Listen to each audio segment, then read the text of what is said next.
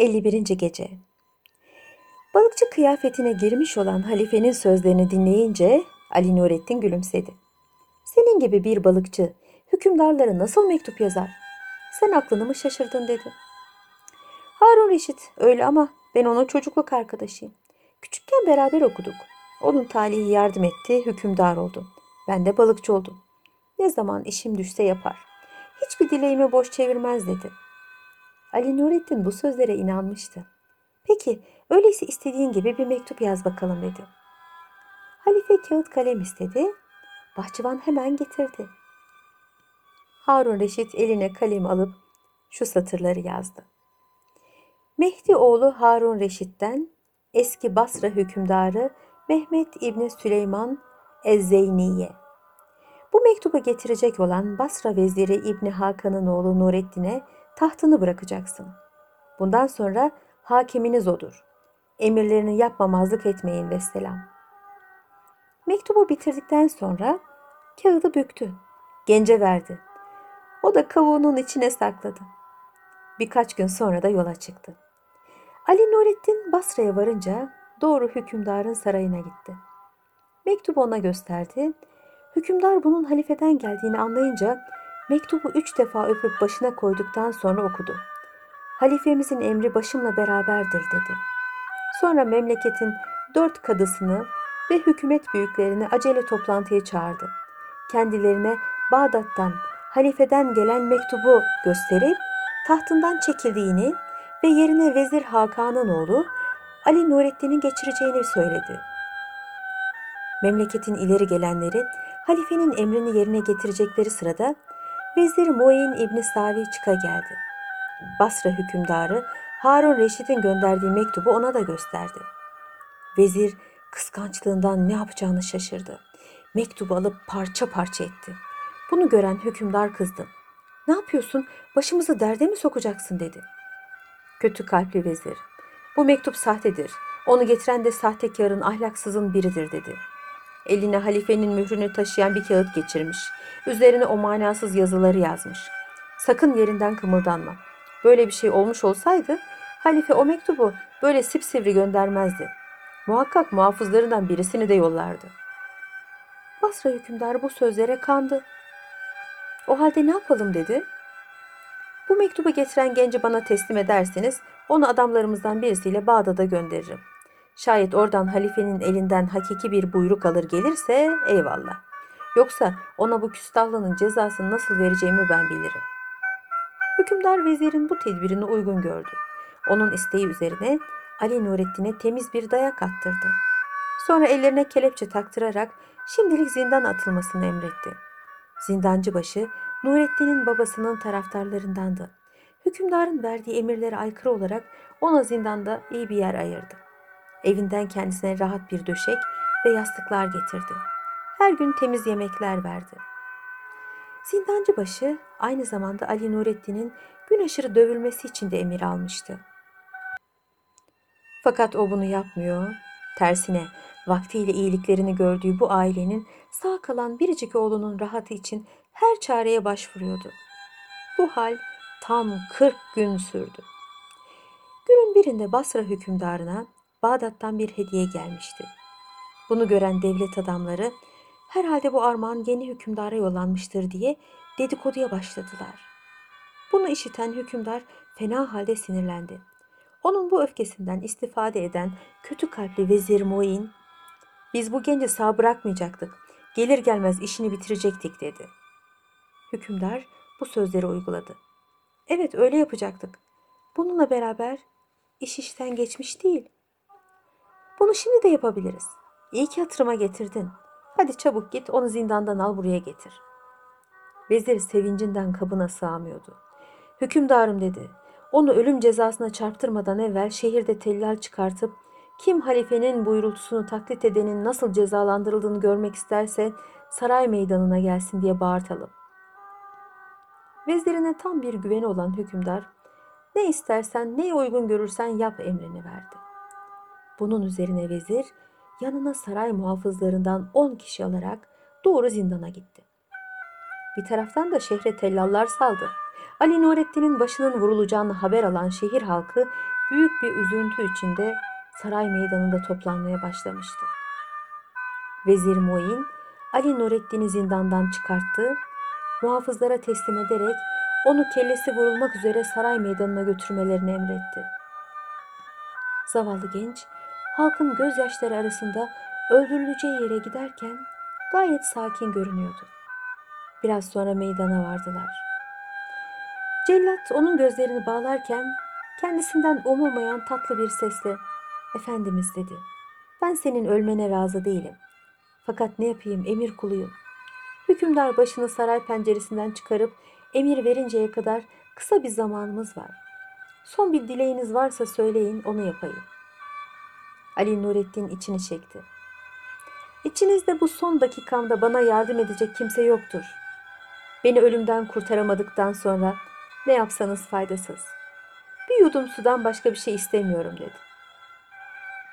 Bu sözleri işiten halkın gözleri yaşla doldu. Cellat ölüm mahkumunun son isteğini yerine getirmek için ona bir maşrafa su verdi. Ali Nurettin suyu içeceği sırada Vezir Moyin korkunç bir öfkeyle yanına geldi. Elindeki su kabını yere çalarak cellada bağırdı. Daha ne bekliyorsun? Hadi şunun işini bitir. Cellat hemen Ali Nurettin'in gözlerini bir mendille bağladı. Halk coştukça coşuyor, haksız yere öldürülen bu gencin affedilmesi için bağırıp çağırıyordu. Cellat elindeki kılıcı havaya kaldırdı. Tam mahkumun kellesini uçuracağı sırada birdenbire ortalık karıştı. Göklere kadar yükselen bir toz bulutundan göz gözü görmez bir hale geldi. Bunu gören hükümdar sarayın penceresinden vezire seslendi. Bu nedir? Şehir bir baskına mı uğradı? Çabuk bana bunu anlat. Vezir, peki yalnız şu mahkumun işini bitirelim de ondan sonra dedi. Hükümdar sözünü kesti. Şimdilik onu bırakalım da bu dediğin şeye bir bak dedi. Haykırdı. Biz gelelim Harun Reşid'e. Harun Reşit, Ali Nurettin'i Basra'ya göndereli bir buçuk ay olmuştu. Halife onu unutmuştu bile. Bir gün sarayında gezinirken Enisül Celis'in odasına uğradı. Güzel kadın oturmuş hem ağlıyor hem de sevgilisi Ali Nurettin'i anarak türkü söylüyordu. Birdenbire kapının açıldığını ve halifenin geldiğini görünce ayaklarına kapandı. Beni bir buyrultu ile beraber Ali Nurettin'in yanına göndereceğinizi vaat etmiştiniz. Bugün bir ay oluyor efendimden haber alamıyorum. Bu yüzden geceleri gözüme uyku girmiyor. Meraktan çatlayacağım. Başına bir felaket gelmese şimdiye kadar bizimle mektuplaşırdı dedi. Halife vefalı cariyenin bu sözlerine hak verdi. Hemen veziri Cafer'i yanına çağırdı. Bir buçuk ay oluyor.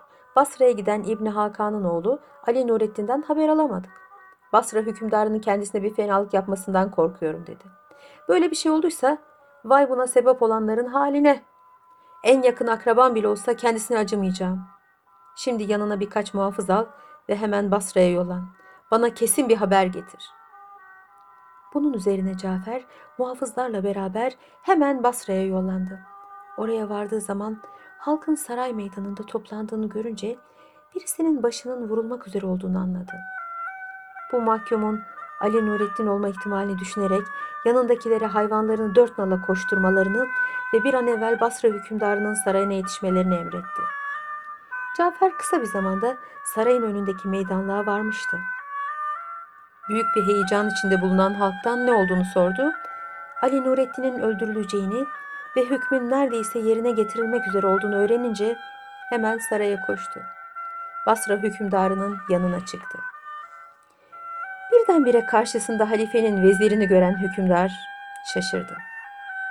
Cafer oturmadan Ali Nurettin'i serbest bırakınız. Ona bir fiske vurursanız sonunuz fenadır. Halife Harun Reşit ona fenalık yapanları şiddetle cezalandıracaktır dedi. Basra hükümdarı telaşla saraydan çıkarak celladın yanına gitti. Ali Nurettin'in serbest bırakılmasını ve kendisine iyi bakılmasını emretti. Cafer ölümden kurtardı Ali Nurettin'i alıp saraya götürdü. Onu Mehmet İbni Süleyman'ın yerine tahta oturttu. Bir taraftan da eski Basra hükümdarını ve zalim vezirini tutturdu. Orada iki gün kaldıktan sonra onları da yanına alarak Bağdat'a dönmek üzere yol hazırlığına başladı. Bunu duyan Ali Nurettin memleketin ileri gelenlerinden birini bıraktı yerine ve Cafer'e Harun Reşit Efendimiz'i ve Bağdat Şeyh'ini göreceğim geldi. Ben de sizinle beraber geleceğim dedi. Vezir Cafer bu teklifi kabul etti. Ali Nurettin'i de yanına aldı. Kısa bir yolculuktan sonra Bağdat'a vardılar. Halife eski Basra hükümdarını ve vezirini sorguya çekti. Artık çok yaşlanmış olan ve memleketi idare edemeyecek bir halde bulunan Mehmet İbni Süleyman vazifesinden uzaklaştırıldı. Birçok yolsuz hareketleri ve sayılmayacak kadar büyük suçları meydana çıkan Vezir Muin ölüm cezasına çarptırıldı. Halife Ali Nurettin'e bir kılıç vererek sana yaptığı gibi birçoklarına zulmeden Muin'i kendi elinle öldür dedi. Ali Nurettin eline kılıcı alınca zalim vezir ben yaratılışımın iktizasını yapmıştım. Sen de aldığın terbiyenin iktizasını yap dedi. Ali Nurettin duraladı. Elinden kılıcını atarak halifeye döndü. Yerinde söylediği bir sözle benim elimi ayağıma bağladı dedi. Ben bu işi yapamayacağım. Bunun üzerine halife kılıcı celladı Mesrur'a verdi. O da hemen hain ve zalim vezirin kellesini uçurdu. Harun Reşit onun cezasını verdirdikten sonra Ali Nurettin'e şimdi benden ne dilersin diye sordu. Ali Nurettin beni Basra hükümdarlığından affetmenizi ve daima yakınınıza bulunmak için Bağdat'ta oturmama müsaade etmenizi istiyorum dedi. Harun Reşit, Nurettin'in cariyesi Enisül Celis'le birlikte rahat ve sakin bir hayat yaşamak istediğini, devlet işlerine karışmaktan hoşlanmadığını anlamıştı. Ona cariyesini tekrar bağışladı. Onlara güzel bir konak hediye ederek kendilerine dolgun bir aylık bağladı. Böylelikle birbirine kavuşan iki sevgili Bağdat'ın en iyi bir yerinde yerleştikleri konaklarında ömürlerinin sonuna kadar mesut bir hayat sürdüler. Şehrazat anlattığı masalı burada bitirdikten sonra hükümdar Şehriyar'a döndü. Sevgili hükümdarım dedi. Bu masal burada bitti. Fakat bu anlattığım tüccar Eyüboğlu Ganim'le kardeşi Fitne masalından daha meraklı değildir. Hükümdar, öyleyse şu masalı da anlat dedi. Şehrazat anlatmaya başladı.